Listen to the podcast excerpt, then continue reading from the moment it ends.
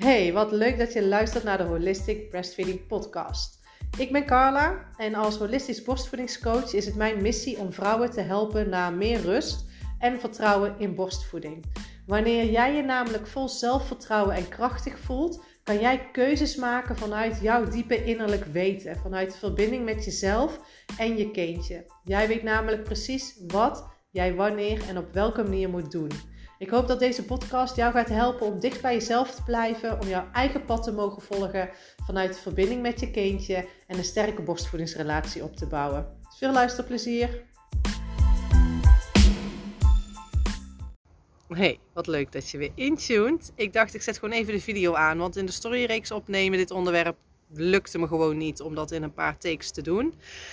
Is namelijk het feit dat er gisteren kennissen van ons langskwamen en zij hun zorgen moesten uiten om het feit dat wij uh, Danos uit school hebben gehaald. Um, heb ik daar een hele tijd geleden al een podcast over opgenomen. Kijk je dit op YouTube, tune dan even in op de podcast. En ik zal ook even kijken of ik hem misschien gewoon ook als video uh, hier kan plaatsen op YouTube. Zodat je hem ook op je gemak eens kan luisteren. Want het is best een uitgebreide podcast van ons proces. Waarom wij hebben gekozen om uh, onze kinderen dus niet meer naar de reguliere onderwijs te sturen. Um, en een van mijn gedachten toen we dat gingen doen, was wel natuurlijk van: hey, moet Danaos niet naar school? Hè, want Elina is nog te jong. Um, om te leren met andere kinderen te spelen. Nou, in allereerste instantie hebben wij onze zoon Danaos, maar ook Elina, nooit naar een crash of een, uh, ja, hoe noemen ze dat hier bij de Costatmo? Uh, als ze zeg maar een jaar of drie zijn, dan kunnen ze naar, ja, gewoon naar de kinderdagverblijf. Ik had altijd zoiets, ik ben de hele dag thuis of Alex is thuis. Dus waarom zouden we ze ergens anders heen brengen? Maar natuurlijk komt dan toch dat geprogrammeerde stukje van ja, maar ze moeten toch leren spelen met andere kinderen. Nou, dat hebben we met Dana als nooit gedaan. We hebben het wel geprobeerd. Totdat we toen merkten van, nou weet je, uh, ik mocht er niet eens bij hem blijven. Ik moest hem gelijk maar die hard twee uur daar achterlaten. Toen zijn we naar een privé uh, crash gegaan. En daar zeiden ze van, nou, ik zei, nou dan beginnen we gewoon met een half uurtje. Ik zei, maar als hij gaat huilen of lang huilt, bel me dan. Want ik zit hier in het cafeetje vlakbij. Ze belde niet. En ik kwam dus na een half uur ophalen en hij stond helemaal overstuur bij het hek. Ze hebben me gewoon daar een half uur laten huilen. Toen zei ik, oké, dankjewel, doei, ik kom nooit meer terug. Weet je, je luistert niet naar wat ik zeg als moeder. Ja, maar dan moeten kinderen doorheen. Nee, als een kind ergens doorheen moet of iets moet leren, dan is hij er dus gewoon. Ik zal even mijn geluid uitzetten trouwens. Dan is hij er gewoon nog niet aan toe. Punt. Weet je, je hoeft niet ergens keihard doorheen te vechten of dat te leren op die leeftijd. Dat dat nodig is om uiteindelijk plezier of wat dan ook te hebben. Um, dus toen was hij vier. De leerplicht is hier ongelooflijk vanaf vijf. Maar toen kon hij dus naar de kleuterschool. Daar hebben we hem wel voor ingeschreven. Maar um, twee keer in de week, drie keer in de week. Soms één keer in de week. Maar nooit meer dan drie keer per week. Altijd een dag ertussen. En toen kregen we natuurlijk ook wel te horen van... Ja, maar een kind heeft regelmaat nodig en herkenning. Nee, weet je. Voor ons prima. En voor Danas ook prima. En nu horen van iedereen van... Goh, wat is het een rustige jongen. Wat is hij vriendelijk hij maakt makkelijk contact. En dan denk ik, ja, omdat hij daarin nooit is gedwongen. Hij heeft altijd gewoon op zijn tempo dat mogen doen. En het is echt niet dat hij nou niet met andere kinderen speelde. Op het strand maakt hij nog steeds heel makkelijk contact met anderen. Dus dat is geen, het is geen graadmeter voor een kind of dat hij wel of niet naar een crash of naar een school gaat. Vind ik en is mijn ervaring. Maar er zijn heel veel mensen die nog wel in die oude overtuiging, die ik natuurlijk ook voorheen had, Ehm, dat ja, je naar school moet voor de sociale contacten. En eerlijk gezegd, ja, ik heb ook hele leuke herinneringen aan mijn schooltijd en aan de schoolreisjes en noem maar op.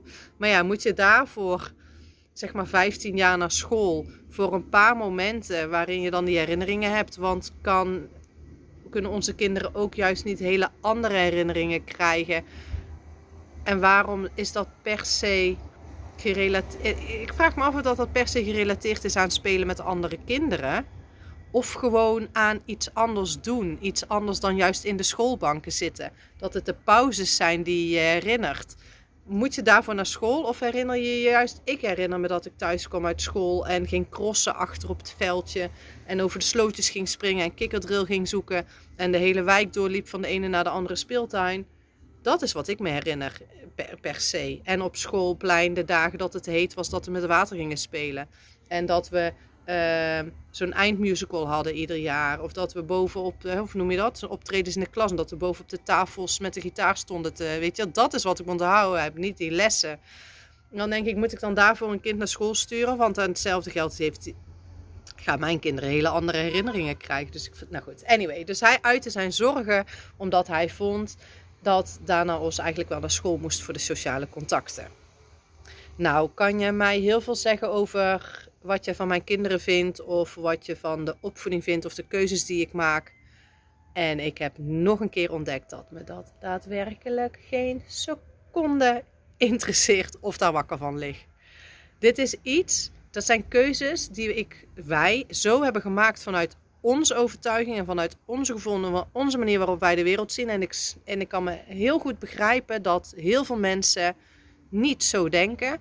En dan neem ik ze niet kwalijk. Alleen het is wel echt de manier waarop jij op een ander reageert, heb ik weer ontdekt. Met hoe jij je daar vervolgens over voelt. Op het moment dat ik me daar was gaan zitten ehm, uitleggen. En echt tegen hem was gaan zeggen van ja, nee, maar ja, uit onderzoek is gebleken dat uh, een kind tot zijn twaalfde het beste thuis kan zijn. En ja, nee, want hè, pas in de puberteit dit en dit en dit en dit. Dan voelt iemand anders zich heel erg daarin ook aangevallen. Ik weet dat voor mezelf. Dus wat ik tegen hem in plaats daarvan zei is van ja, ik snap, ik snap wat je zegt en ik snap dat jij die ervaring op school hebt. En ik vond sommige dingen op school ook heel erg leuk. En ik geloof ook dat dat niet per se een school voor nodig is. Op dit moment vind ik het allerbelangrijkste dat mijn kind nu gelukkig is. En ik weet niet of ik nu de juiste keuze maak of ja, ik weet in de toekomst niet of ik nu de juiste keuze heb gemaakt. Want misschien kom ik, zeg ik achteraf, oh had ik hem toch maar naar school gestuurd. Ik zeg maar op dit moment zag ik dat mijn kind ongelukkig was en wil ik dat mijn kind gelukkig is. En die verandering heb ik gezien door hem van school te halen. Dus dat is nu voor mij het allerbelangrijkste. En daarnaast vind ik het belangrijk dat mijn kind in vrijheid opgroeit. Dat we in de winter kunnen zeggen: we gaan drie maanden naar Thailand of naar India. En dat we kunnen gaan reizen. En dat hebben we nu voor onszelf gecreëerd. En dan krijgt mijn kind een hele andere jeugd dan heel veel andere kinderen en dan jij en ik hebben gehad. Maar ik geloof dat het ook zeker bijdraagt aan hoe ik hem graag als volwassene zou willen zien. En dat is iemand vol zelfvertrouwen, die, die iemand van de wereld is. Want hij vroeg aan mij: ja, um, maar waar wil je dan dat je kinderen gaan studeren? Ik zeg, nou ja, ze kunnen studeren waar ze willen. Ze spreken Engels, eh, ze schrijven Nederlands, lezen Nederlands en Grieks. Um, en eerlijk gezegd zit ik niet per se te wachten dat ze hier naar een Griekse universiteit zouden gaan. Omdat ik denk dat onderwijs in andere landen gewoon beter is. Ik zeg maar ook als ze niet naar een universiteit willen, vind ik het helemaal prima. En daar zitten mensen al, oh, oké, hoezo zou je als je kind niet gaat studeren? Ik zeg, weet je, we hebben de afgelopen 30 jaar die vorm gehad.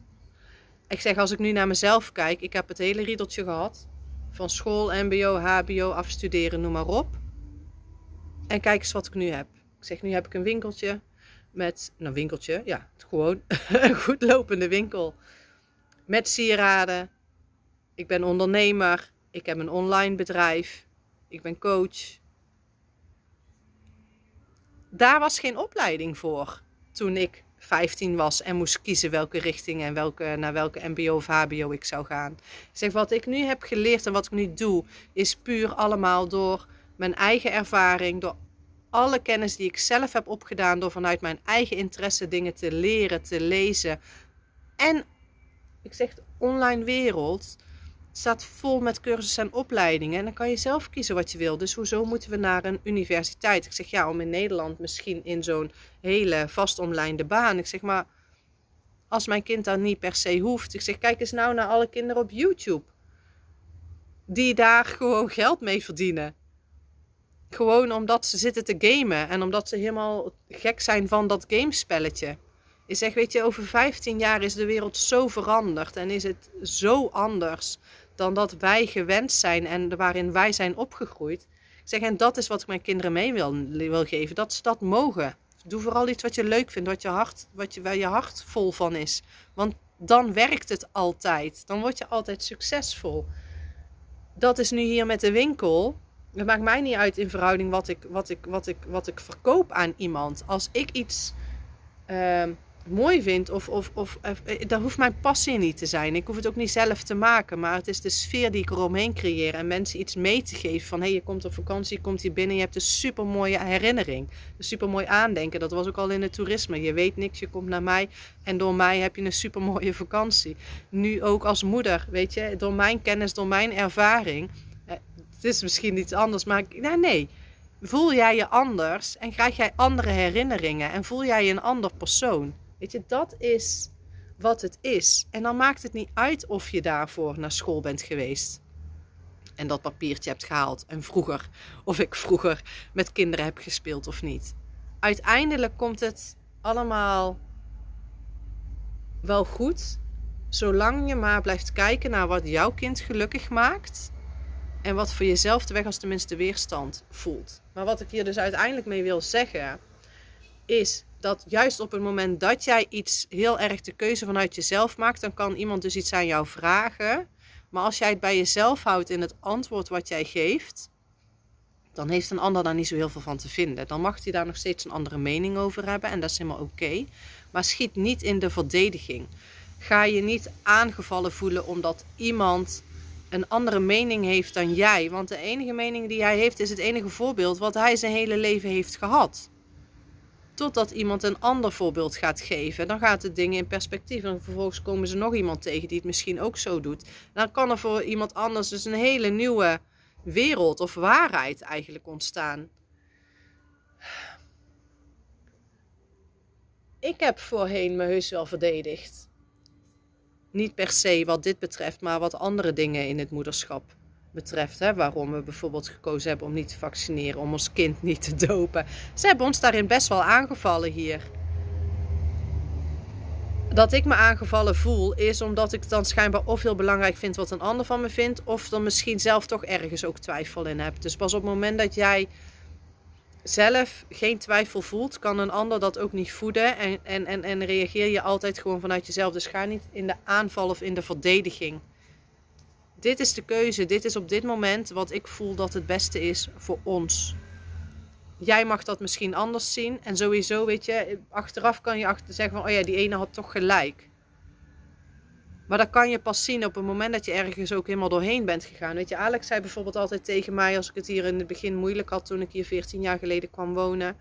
Ja, maar die en die, die wonen hier 30 jaar, weet je, die, die, die, die hebben het ook gered, die zijn er ook doorheen gegaan. Ik zeg, ja, dus dan moet ik me er nu maar overheen zetten omdat zij dat hebben gered. Ik zeg, zij hebben het alleen gered omdat ze hier ook doorheen zijn gegaan, omdat ze dit ook hebben gevoeld.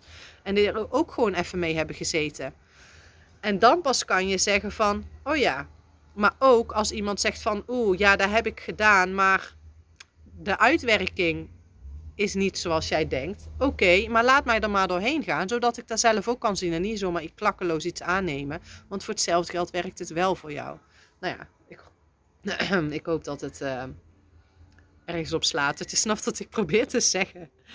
Uh, want zelfs wanneer je zo'n drastische keuze tegen de narrative, hè, dus tegen wat algemeen heerst, maakt zul je daarin gewoon echt zo overtuigd moeten zijn van jouw beweegredenen, van jouw gevoel. Dan maakt het niet uit wat een ander ervan vindt. En ik denk dat dat het allerbelangrijkste is. Op het moment dat jij keuze maakt waar je zelf eigenlijk al over twijfelt. En hetzelfde bijvoorbeeld wat ik heel erg had met het vaccineren. Ik twijfelde nooit.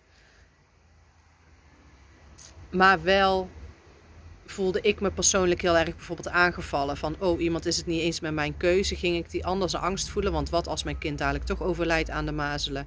Uh, weet je, zulke dingen bijvoorbeeld.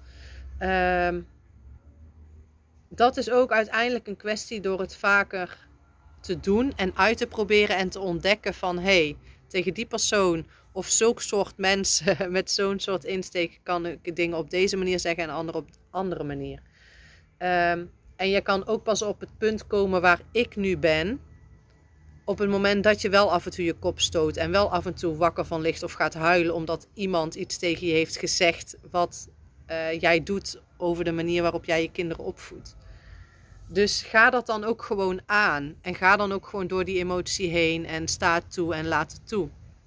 Want dan pas kan je op het punt komen waarbij het je gewoon echt letterlijk helemaal niks meer interesseert wat iemand ervan vindt. En dat iemand prima zijn mening met je mag delen. En tegelijkertijd, het enige waar ik eigenlijk wakker van lig is van, wat is het toch jammer dat er mensen zijn die nog zo vastzitten in dat, in dat, in dat vastomlijnde stukje van dit is hoe ons leven loopt. en dan denk ik alleen maar heel erg gesterkt van hoe fijn dat ik niet zo ben. En dat ik nu op mijn leeftijd dit heb ontdekt. Ehm, maar ook mijn kinderen nu al daarin anders. Ehm, ja, een andere waarheid meegeven. En dat dan alsnog geen dag heeft gevraagd: Oh, mama, mag ik naar school? Of ik wil terug naar school, of ik mis mijn vrienden zo. Zegt voor mij meer dan genoeg. Um, want dat is uiteindelijk ook de emoties en gevoelens van je kind, zeg maar, hè, ondermijnen door een keuze misschien voor ze te maken. Door zeg maar, hun mening niet te respecteren. Dus door te zeggen van ja, nee, maar je moet naar school, ook al wil je eigenlijk niet. Of je moet verplicht dus. Weet je, mag je niet zelf je eigen vrienden uitkiezen op school? Zit je in dat groepje met die leeftijdscategorie? Oh, ik kan hier echt uren over praten. um, waar je dan eigenlijk maar geen keuze uit hebt dan daar maar vrienden te worden met iemand. Maar als je gaat kijken naar hoe het eigenlijk zou zijn, zouden de klassen veel meer verdeeld mogen zijn. Mogen er jongere kinderen in zitten, mogen er oudere kinderen in zitten. Want de ouderen uh, zijn het voorbeeld voor de jongeren. Die groeien qua gevoel veel sterker omdat zij een voorbeeld zijn en kinderen iets aan hun vragen. En andersom. Dus dat geef je dan zo door. De ene trekt zich op. Ze trekken zich allemaal op aan elkaar. Want hoeveel zelfvertrouwen krijg jij op het moment dat iemand aan jou vraagt van... hé, hey, wat staat daar? Of hé, hey, hoe doe je dat? daarin mag ook gewoon een kind opgroeien. Ja, dat krijgt mijn kind niet per se mee, omdat hij uh, niet naar school gaat. Maar de school, hoe dat het hier was, zijn ook alleen maar kinderen die allemaal in dat jaar acht jaar worden. Weet je, er zit niemand van, van, van, van vijf of van twaalf tussen. Was er hier een, een Montessori of een democratische school of waar dat allemaal wel zo zou zijn, ja, dan had ik mijn kind daar gewoon naartoe gestuurd. Want dat is voor mij ook nog steeds wel hè, een vorm van onderwijs. Of dat van die, van die bos, eh, hoe noem je dat? Van die uh, uh, bosscholen hebt. Forest schools had ik laatst ook een vrouw in de winkel die daar onderwijs gaf. Dan denk ik, ja, met alle liefde. Met alle liefde stuur ik mijn kind daar naartoe. Heerlijk. Dat lijkt me nog steeds het allermooiste. Maar dat is niet. Dus is dit voor ons het beste alternatief. Punt. Nou, ik ga me afsluiten. Ik kan er, wat ik zeg, nog heel veel over praten. Ben je getriggerd door iets? Heb je een vraag? Stuur me een berichtje op Instagram. En dan uh, kom ik er nog even uitgebreider bij op terug. En er zal in de toekomst vast nog wel ook weer meer over gedeeld worden. Dankjewel voor het intunen.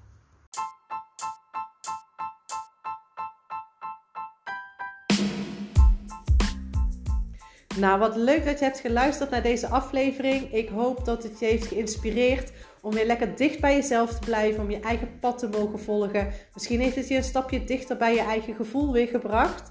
Laat me weten als je vragen hebt of als je nog iets anders wil weten aan aanleiding van deze aflevering. Neem dan contact met me op op Instagram op Carla Holistic Breastfeeding. Ik wens je een super fijne dag en nogmaals bedankt voor het luisteren.